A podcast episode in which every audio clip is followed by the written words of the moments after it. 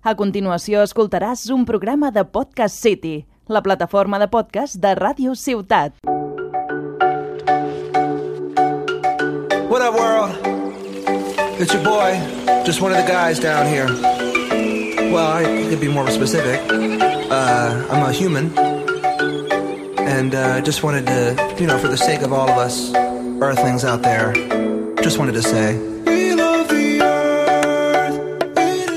Bona tarda a tots i a totes i benvinguts a La Veu de la Terra, un programa conduït per membres de Fridays for Future Tarragona, un moviment ecologista impulsat per joves, apartidista i transversal, que intentarà informar sobre la situació de crisi climàtica, però també alternatives per una vida més sostenible que respecti el medi ambient. baboon. I'm like a man, just less advanced Què podem trobar en aquest programa? Doncs cada 15 dies ens centrarem en un tema. Per tractar-lo a fons entrevistarem un expert o experta i també escoltarem l'opinió de joves estudiants, que també és molt impo- important. Finalment, us proposarem un repte sostenible i acabarem amb l'agenda d'activitats eco del Camp de Tarragona. How's it going? I'm a cow. Abans de continuar, ens presentem. Avui a l'estudi tenim el Gio, que ens informarà de les darreres notícies Hola, relacionades amb el medi ambient. Hola, bona tarda, Gio. Tens moltes ganes de parlar, eh? Sí. Va tenir, és el primer dia, és el primer programa i tenim tots moltes ganes. Estem també una mica nerviosets, tot s'ha de dir. Així que continuem amb les presentacions. Uh, també tenim a la Teresa, que ens introduirà el tema d'avui, que és l'alimentació sostenible. Hola, Teresa. Hola, bones. Què tal? Bé, bé. També nerviosa? Sí, una mica. Molt bé, també tenim a l'Anna, que ens presentarà la convidada d'avui, a la Rocío, per parlar del tema de l'alimentació sostenible. Hola, Anna. Hola. I també tenim a l'Aleix, que ha, ha preguntat a Jovent sobre, Jovent i no tan Jovent, ja ho veurem després, sobre el tema del dia. Hola, Sí, Aleix. hola, bo- Ja bones. veurem després, donarem més detalls. I finalment la Cristina, que ens informarà d'activitats relacionades amb el medi ambient que podem fer durant la setmana. Hola, Cristina. Hola, què tal? Bona tarda. Molt bé, molt bé. Doncs perfecte, ara ja sabeu qui som i què farem, així doncs comencem. Don't let me in. I'm a koala and I sleep all the time. So what? It's cute.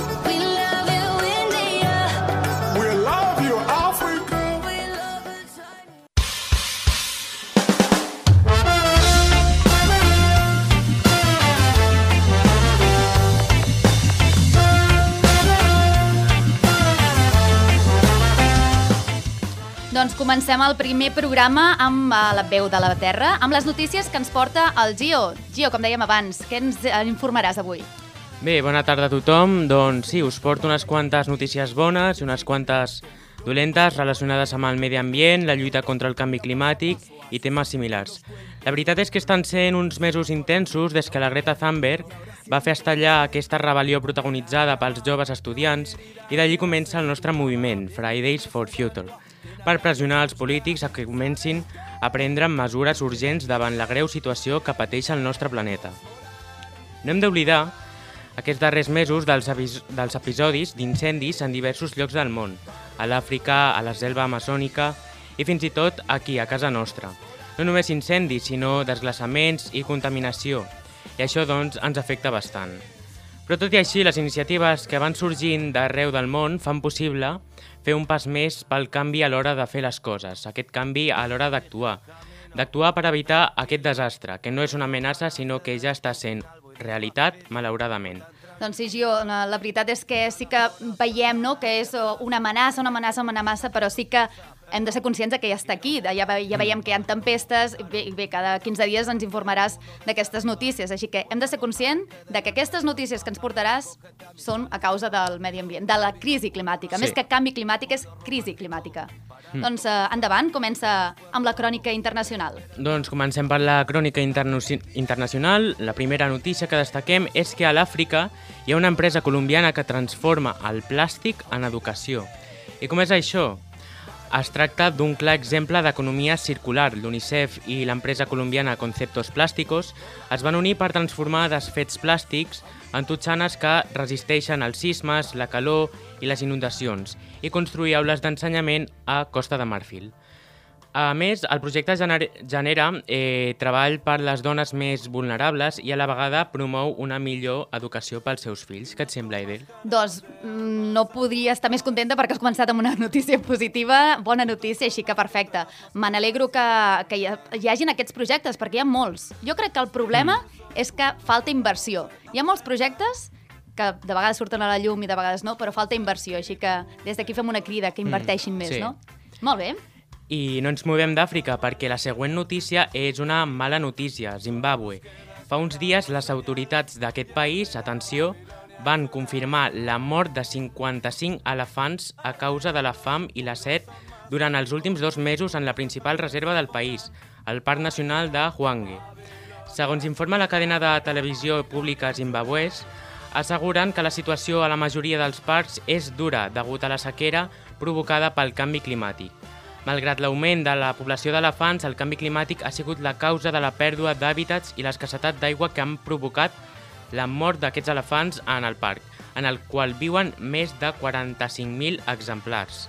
El portaveu de l'autoritat per la gestió de parcs i fauna salvatge de Zimbabue, Rinashe Farawo, ha destacat que les autoritats del país han intensificat els seus esforços per obtenir finançament que permeti excavar més pous pels elefants. déu nhi no totes les notícies són positives i ja ho estem veient no? internacionalment que cada vegada hi ha més sequera o diversos problemes que afecten els animals, que són qui no tenen veu, que per això estem aquí, no?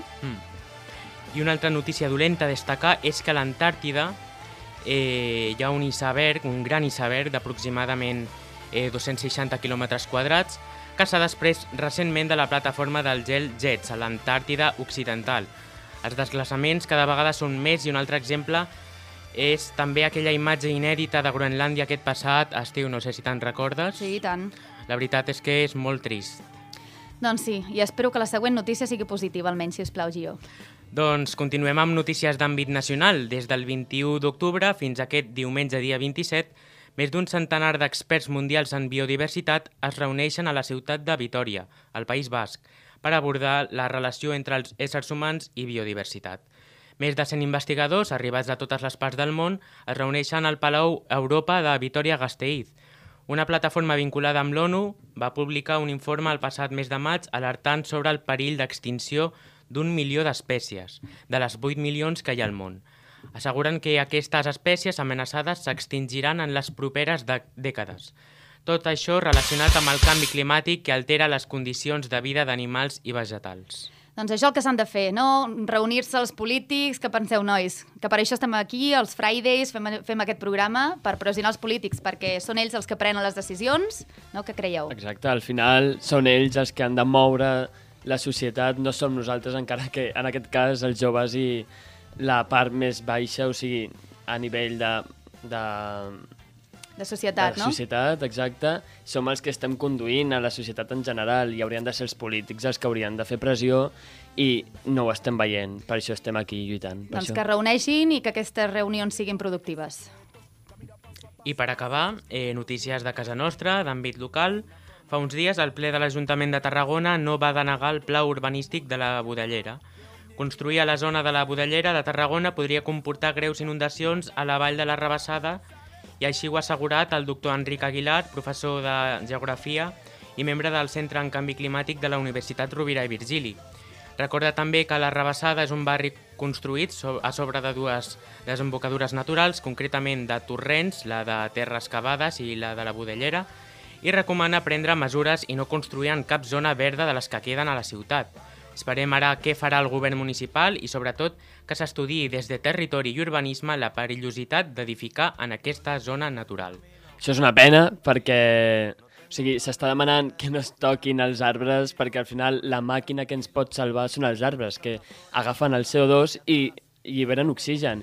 I el que volen fer és tallar més arbres i construir sobre aquests. O sigui, és, és demencial. O sigui, jo no ho entenc. Ridícul i esperem que s'ho repensin, que ja va tenir una oportunitat no, per aturar aquesta acció, però esperem que s'ho repensin i nosaltres des d'aquí seguirem fent pressió. I lluitant. I passem a les notícies bones. Eh, D'una banda, volem destacar que l'associació Global Green Destinations ha tornat a reconèixer per quart any consecutiu les Terres de l'Ebre com una de les 100 millors destinacions turístiques sostenibles del món.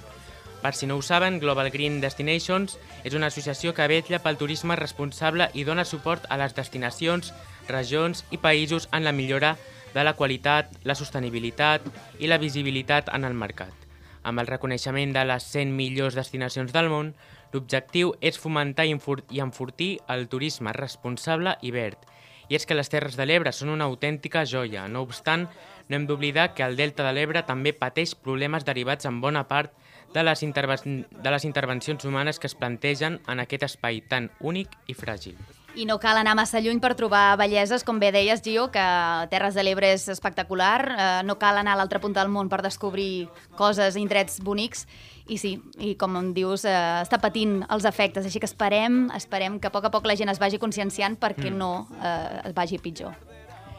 D'altra banda, la Universitat Rovira i Virgili ha implementat un sistema pioner de reciclatge intel·ligent. Es tracta d'una prova pilot per fomentar el reciclatge dins de la comunitat universitària. La iniciativa consisteix en cinc papereres intel·ligents al campus de Salades en els quals s'hi llencen ampolles de plàstic i llaunes buides. Per cada envàs dipositat s'acumulen punts que es poden canviar per regals individuals o per donatius a entitats socials. I fins aquí les notícies d'avui.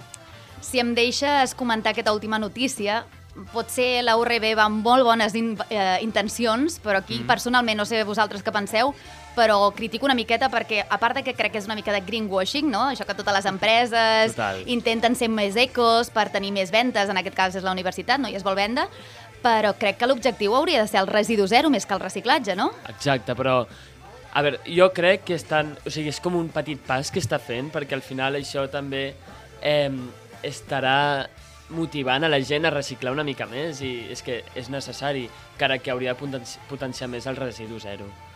Això mateix, potser haurien de, de donar punts o beneficis a la gent que porta la seva pròpia ampolla reutilitzable, més que reciclar una ampolla que acabes de, de Sí. comprar i només durarà mm, pocs minuts, no? No bueno, sé. Al final el que diem és que moltes empreses i bueno, empreses en general volen la pagatina verda. Això mateix. Esperem que la URB s'ho repensi i que faci encara més, més accions, I no? no només les comunitats universitàries, sinó també institucions i administracions públiques a nivell local, nacional o internacional. Això mateix, a veure si a poc a poc la cosa va evolucionant. Doncs moltes gràcies, Gio. Fins aquí les notícies i ens veiem la... en 15 dies.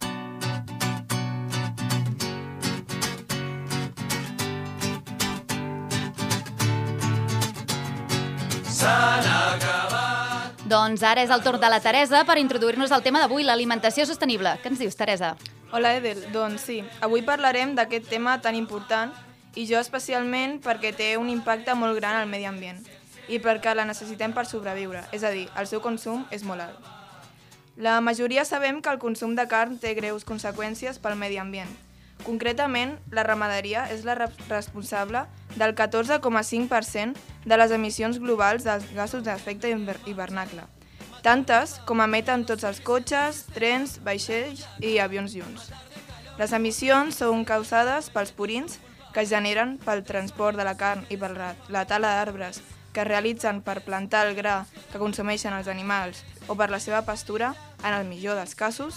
A banda, el consum d'aigua que es necessita per generar el pinso és exagerada i parlant d'aigua, també acaba contaminant-se a causa dels purins. El, millor, el pitjor de tot és que, al final, molt d'aquest menjar, que ha necessitat tots aquests recursos i ha causat tanta contaminació, acaba llançant-se, acaba la brossa concretament, cada europeu llença cada any 179 quilos de menjar. Déu-n'hi-do amb les dades que ens has, portat. Jo crec que són dades que tothom hauria de conèixer, perquè la gent és molt feliç menjant carn cada dia, potser per dinar i per sopar, i hauria de conèixer una mica més aquestes dades.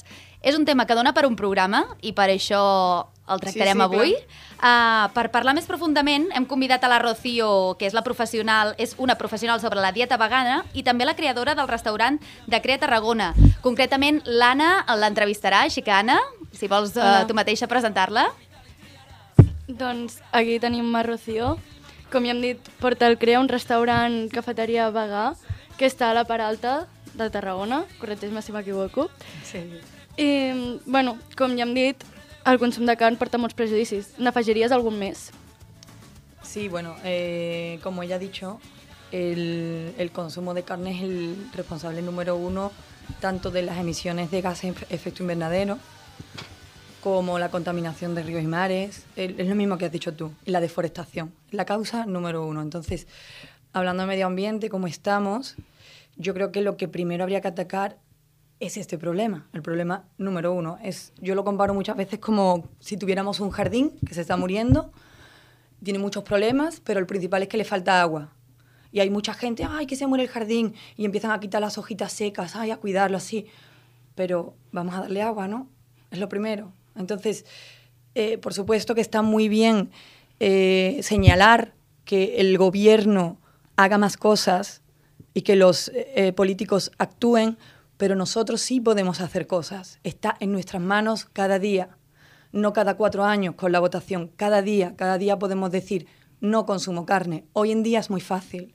Antes a lo mejor cuando yo empecé no era tan fácil, pero hoy ya no echarías de menos ni el sabor, ni, ni las proteínas, como todo el mundo pregunta, ni vitaminas. Está- puedes tener una dieta completamente sana, de hecho más sana, eh, que consumiendo carne y sin echar en falta absolutamente nada. Sí, sí, clar. D'altra banda, també cal que siguin productes de proximitat, perquè tampoc estalviem molt. Por supuesto, por supuesto. O sea, yo en, en CREA apuntamos al residuo cero. Eh, no tenemos ningún envase de plástico. Nosotros el agua que la, el agua la regalamos, es agua filtrada de osmosis. Y si gente viene para llevarse agua y no tiene un envase, nosotros le vendemos un envase. Pero si viene cualquiera con su envase, no se le cobra nada. Es eh, lo que apostamos no es por el beneficio, es, no es un negocio de lucro, es un negocio que está hecho desde el corazón y que lo que queremos es eh, ayudar a que se cambien las cosas. Ya es hora, es que vamos tarde, es que tenemos que hacerlo ya. D'on podem treure aquests productes? Quins llocs de la ciutat ens recomanaries? Vale, nosotros todo lo que tenemos es local, eh, co- consumimos cosas a granel, eh, entonces compramos en Calgram y en Casa Jardí sobre todo. Son dos tiendas bastante conocidas en la ciudad. Em, podéis llevar vuestros envases también allí, ellos si no tienen paquetes de papel, que sí, que son mejores que los de plástico, pero volvemos a lo mismo, cuanto más reutilicemos las cosas y menos de usar y tirar, mejor. Y como te digo, esto es muy importante, todo el no plástico, todo el zero waste, pero lo más importante, volvemos, dejar de consumir productos de la ganadería, no solo la carne, la leche, eh, porque sigue siendo una vaca ahí encerrada, mm, contaminando lo mismo, consumiendo el mismo grano y todo por los productos lácteos. Y otra de las cosas que hacemos, por ejemplo, consumimos almendra y avellana local y hacemos nuestra leche. Así evitamos eh, consumir cada día hasta 10 tetrabric de leche. Y esto contamina tantísimo. M'agradaria afegir una dada, i és que la ramaderia per si sola emet tants gasos d'efecte d'hivernacle com tot el transport mundial. Això cal afegir altres emissions relacionades indirectament amb l'activitat ramadera, com les originades per la deforestació per al cultiu de pinsos o el transport, com deia eh, la nostra companya, així que és ben cert tot el que dius. Sí, la veritat és que hi ha gent que, que és vegetariana o vegana, no?, perquè els hi fa pena als animals, que és una raó molt, molt encertada i molt adient.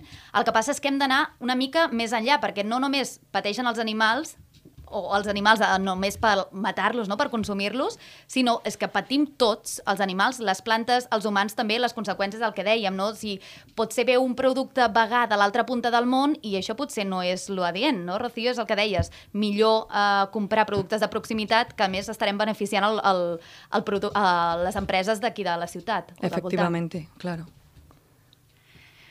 Ara ens estaves parlant de que tu mateixa feies els aliments del restaurant. Sí. Com els fas? Alguna recepta que ens vulguis donar? El plat estrella?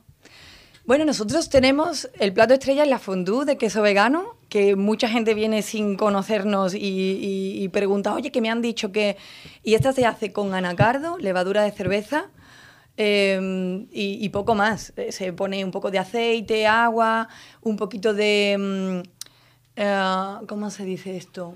No, no, no ens donis tots els secrets, si no, no sí. vindrem, eh? Bueno, sobre todo, sobre todo es anacardo con levadura de cerveza. Molt bé. Ja vindrem, ja vindrem. Sí. No, no me importa, ¿eh? La gente que viene yo le doy la receta, le hace una foto y, y porque lo que te digo, que yo lo que quiero es que esto se expanda. Ese era mi gol cuando yo abrí CREA, era que, que se expanda.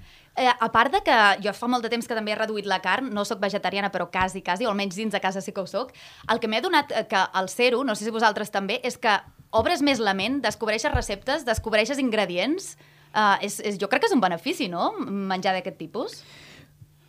Obviamente aquí estamos hablando de medio ambiente, pero mis razones para ser vegana son incontables. No son solamente medioambientales, son éticas, por supuesto, eh, y son por la salud.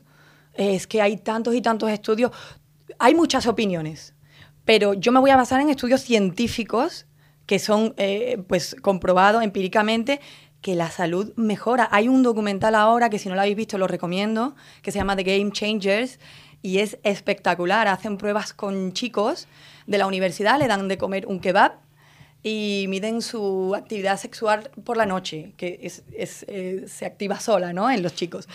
Eh, y al día siguiente le dan el mismo kebab, pero sin la carne, y aumenta en un 300% en un día. O sea, es que es increíble.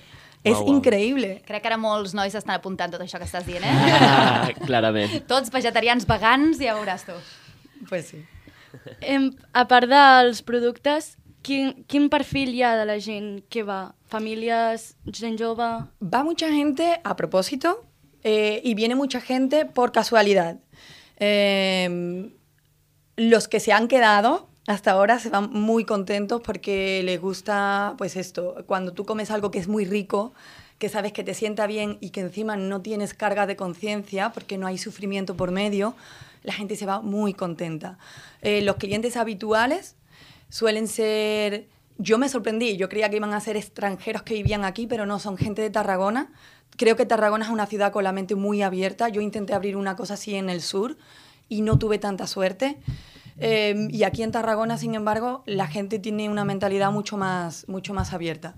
Y no diría que la mayoría son mujeres, pero sí podría decir que la mayoría de la gente tiene mucha energía femenina. No sé cómo explicarlo. Es, es gente como muy sensibilizada, gente muy... eh, no sé, no sé, lo explicaría así, con energía femenina. Girl power. Qué guay.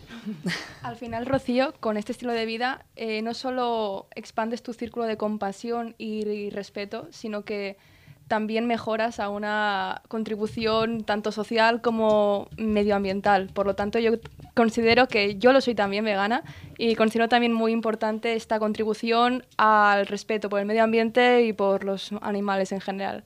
Así que Gracias. estoy contigo plenamente. Gracias. Com deies, hi ha gent que, porta, que ja hi porta temps anant al teu restaurant. Quan fa que va començar? Eh, no hace tanto, empezó el, el 2 de marzo de este, ¿De este año. año? Sí, sí, sí. ¿Y cómo está Yo- evolucionando? Muy bien. A ver, yo antes había estado trabajando en el Vergel mucho tiempo, que es un restaurante también muy concienciado, muy dentro del- de, de mi filosofía. Yo estuve muy a gusto ahí. Em, si no habéis ido, lo recomiendo. Eh, y bueno, allí es cuando yo también tenía cada vez más ganas de, de hacer algo también, de aportar mi, mi parte, mi, mi granito de arena. Entonces, bueno, es- es, bonito, ¿no? Ver cómo nos vamos expandiendo. Además, ellos me ayudaron también a tomar la decisión, porque ellos lo que quieren, igual que yo, que cada vez haya más sitios, que cada vez seamos más y, y se, se siga expandiendo. I creus que això passarà? Eh, Sí, yo soy optimista. Sí, yo lo veo. Eh, por lo menos, claro, yo llevo tanto tiempo eh, siendo vegetariana y luego vegana que me doy cuenta que ahora es mucho más sencillo. Antes yo pedía un café con leche vegetal y me miraban como un bicho raro y ahora es muy fácil en todos sitios. Ahora hay muchas invenciones. En Barcelona se inventó la eura y es, es una carne vegetal que es muy sabrosa, con, muy fibrosa, parece totalmente carne. Entonces, si echas de menos eso, masticar esa carne, ya la tienes. I què n'opines de les empreses que ja fan carn i utilitzen altres opcions com vege vegetarianes i veganes per donar més públic? Hombre, evidentemente, en mi mundo ideal, ojalá fuera todo 100% vegano, pero por lo menos es un paso. Si nos centramos en lo positivo, está muy bien. Es, eh, claro, yo cuando voy a comprar al supermercado, sí, no me gusta ver cadáveres, pero al menos hay opciones que yo sí puedo comprar. Doncs moltes gràcies, Rocío, per haver eh, vingut aquí en el nostre primer programa molt especial. Haver-te haver Gracias a vosotros por expandir la palabra. Muchas gracias. Fins una altra. El ser humano es extraordinario, ha conseguido reventar este planeta. Hemos hipotecado el calendario. Si supiera que llevarme haría las maletas.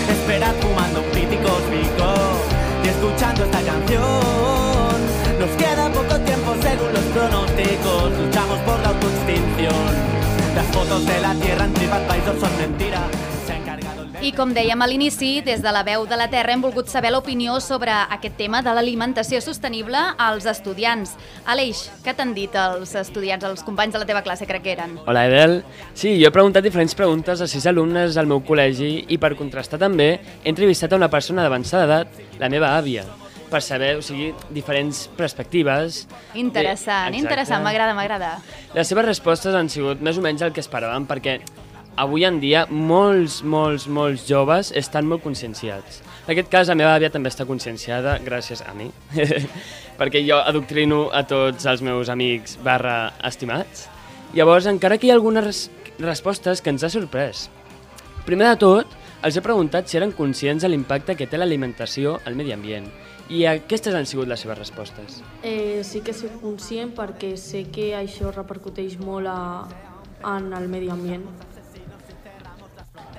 Sí, a ver, soy consciente y aunque no siempre cumpla con lo que debería hacer para que impactara menos, sí que intento tomar medidas al respecto.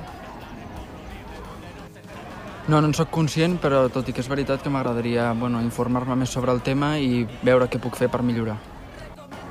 Eh, doncs jo crec que ara ja començo a estar una mica més conscient per això d'amics o amigues que comencen a ser vegetarians o vegans i doncs m'informen, però crec que encara no, no ho acabo d'estar del tot conscient o no crec que sigui tan important.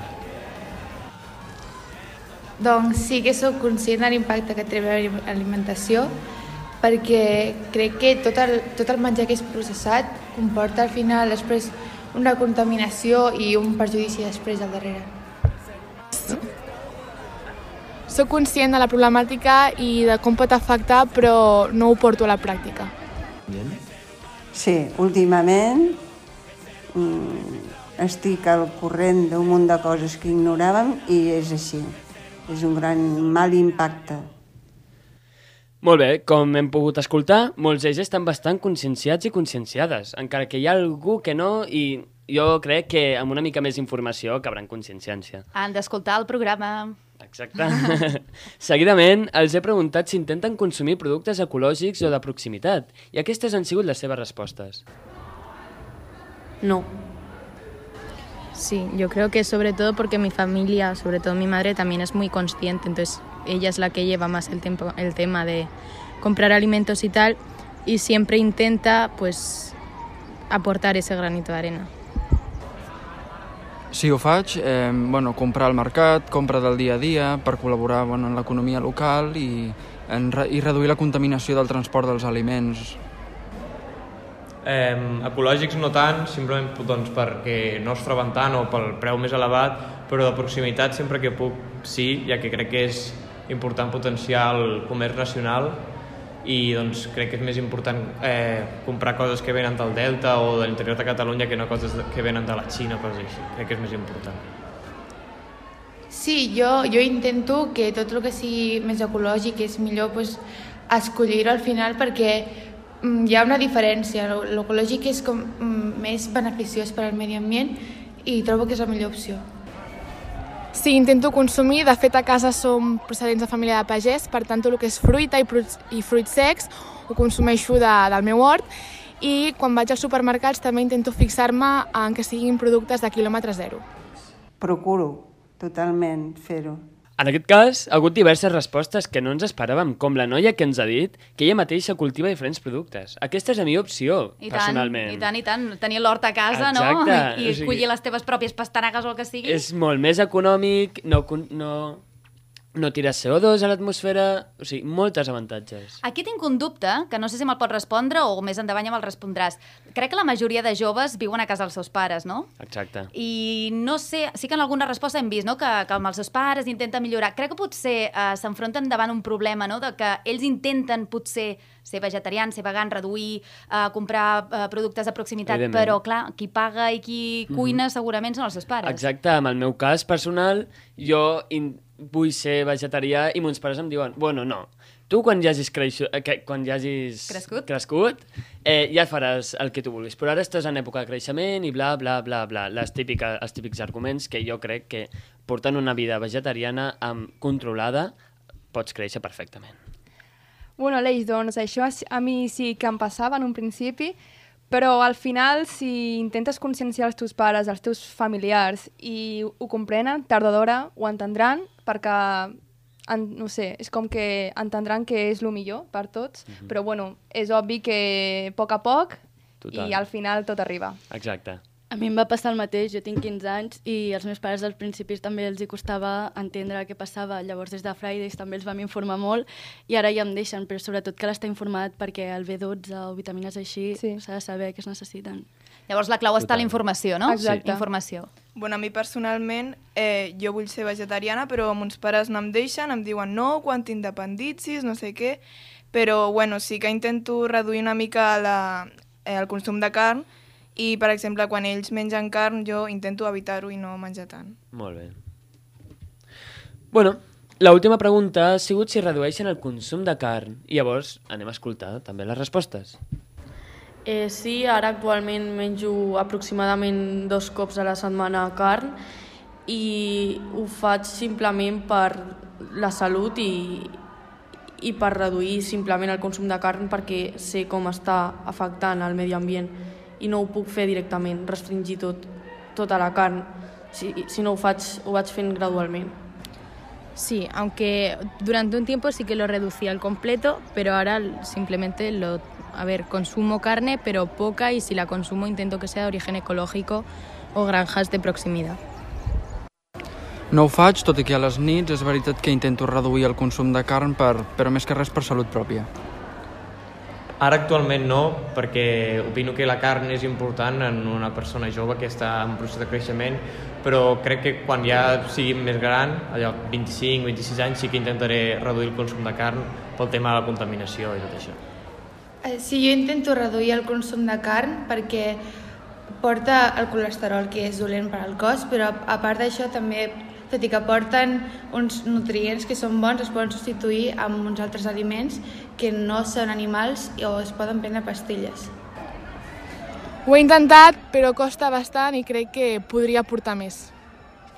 Jo particularment, no, no dic eh, la part de la família que, que a vegades tens a casa, però jo particularment fa anys que no menjo carn.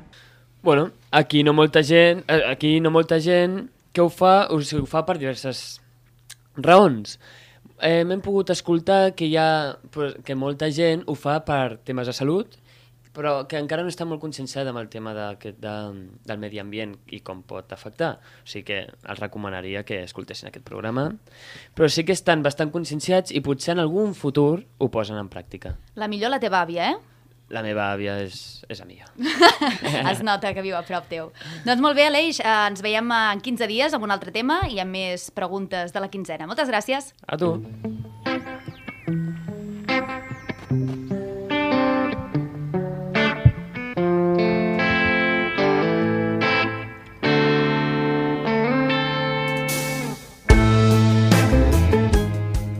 us hem informat a l'inici del programa, la Veu de la Terra vol proposar-vos un repte amb l'objectiu de que sigueu més sostenibles i respectuosos amb el medi ambient.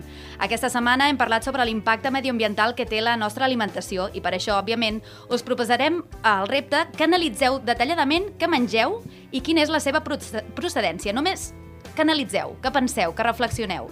I també, si no és molt demanar, que eviteu menjar carn durant una setmana o 15 dies, si no és molt demanar, o almenys que intenteu reduir el seu consum. Si, per exemple, mengeu cada dia, intenteu menjar un dia sí, un dia no, més o menys.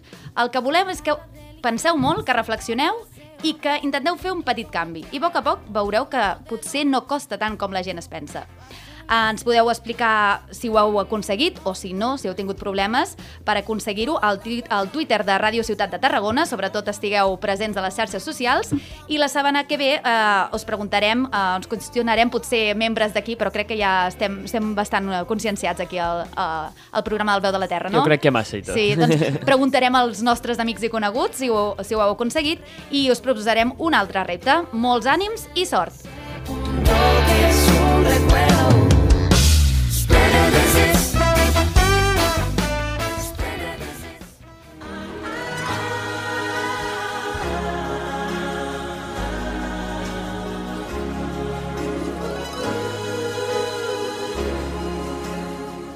Per acabar us volem informar dels actes que hi haurà properament al Camp de Tarragona, relacionats, com no, amb la sostenibilitat i el medi ambient. Cristina, què ens proposes? Doncs, primerament, el JAPEC, Grup d'Estudis i Protecció dels Ecosistemes Catalans, és una associació de, de defensa, custòdia i d'estudi de la natura que té especial cura en la millora del medi ambient de les Terres de l'Ebre, Priorat, Conca de Barberà i Camp de Tarragona, tot i que el seu àmbit legal és Europa. És una de les moltes associacions presents al Camp de Tarragona i qualsevol persona pot ser voluntària. Així doncs, algunes de les activitats pro- programades pels pròxims dies, pròxims dies són Sortida d'Educació Ambiental pel Cor del Priorat amb la monitora Esther Borràs, el dia 27 d'octubre, de 9 i quart a 5 de la tarda. El material necessari per realitzar aquesta activitat és esmorzar, aigua i dinar. El punt de partida és la Poboleda, per arribar a la Morera. La data límit per inscriure's és fins al 25 d'octubre.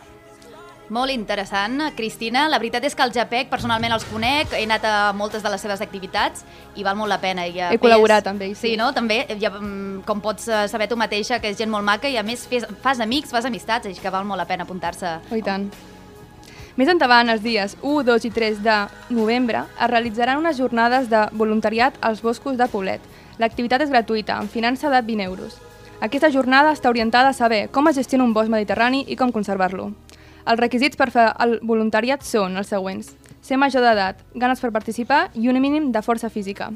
La pròpia organització es fa càrrec pel men del menjar, així com les eines pels treballs. Per últim, el dia 11 es realitza una activitat de fotografia a la natura al Cal Bolfí de Torredembarra, de 10 a 12.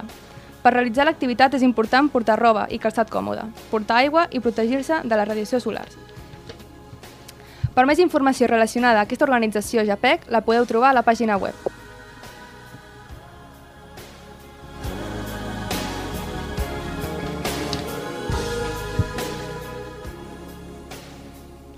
A continuació parlarem de Greenpeace, una ONG ambientalista fundada el 1971.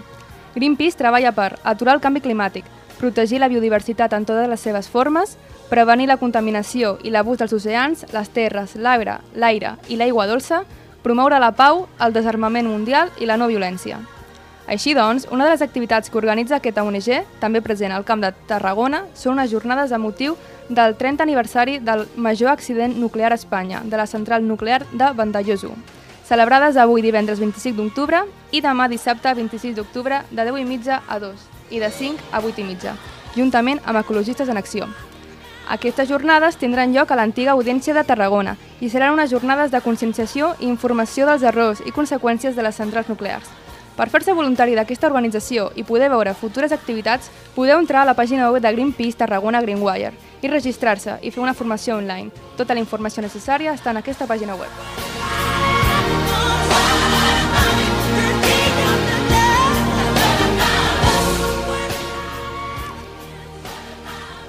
Per últim, Mar a Terra és una altra entitat, les accions de la qual estan relacionades a aconseguir el desenvolupament sostenible. Realitzen nombroses activitats, les quals s'han de reservar prèviament, com xerrades, sortides de camp, tallers, visites i exposicions. Tota la informació la podeu trobar a la seva pàgina web o al seu correu educa arroba mare-terra.org.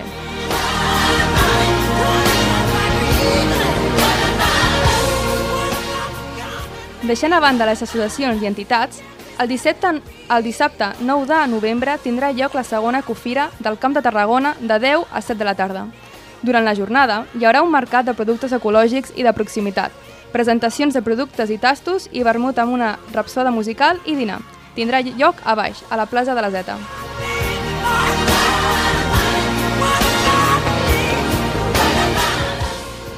I ara la notícia més important, Cristina. Doncs sí. Yeah. Finalment, anunciaré les pròximes dates on el moviment juveni- juvenil Fridays for Future tornarà a estar present. El dia 8 de novembre realitzarà la pròxima concentració d'aquesta nova temporada. Així doncs, no podeu faltar, perquè suposa la tornada a la lluita ecologista. La gran tornada. Això mateix. Com ja sabeu, per estar al dia de les pròximes con concentracions tenim compte d'Instagram i Twitter, on es publiquen esdeveniments pròxims. I per últim, el divendres 29 de, de novembre està previst fer una, una manifestació d'importància internacional. Així que, tots units per una mateixa causa. Ué.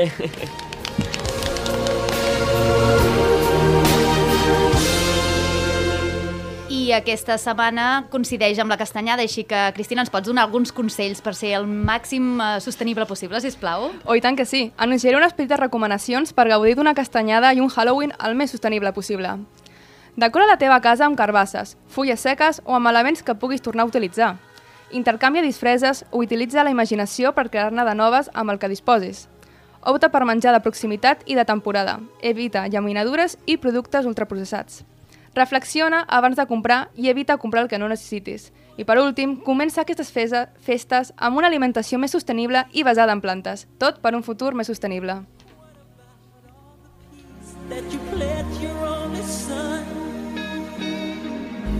What about flowering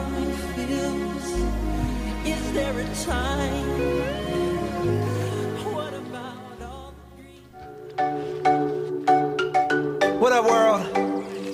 It's your boy, just one of the guys down here. Well, I could be more specific. Uh, I'm a human. Amb aquesta cançó començàvem, però també ho acabarem. Moltes gràcies, Cristina, per aquestes, uh, aquestes accions, aquestes, aquests actes que podem participar. Gràcies a vosaltres. Uh, I fins aquí el primer programa del Veu de la Terra, de la Veu de la Terra. Moltes gràcies a tots i totes, nois, per haver col·laborat i portar-nos tota aquesta informació i entrevistes. I ens escoltem en 15 dies. Uh, que passeu molt bona setmana i fins la propera. Adéu, I adéu. seguim amb la lluita ecologista. Adéu. Adéu. Adéu. I'm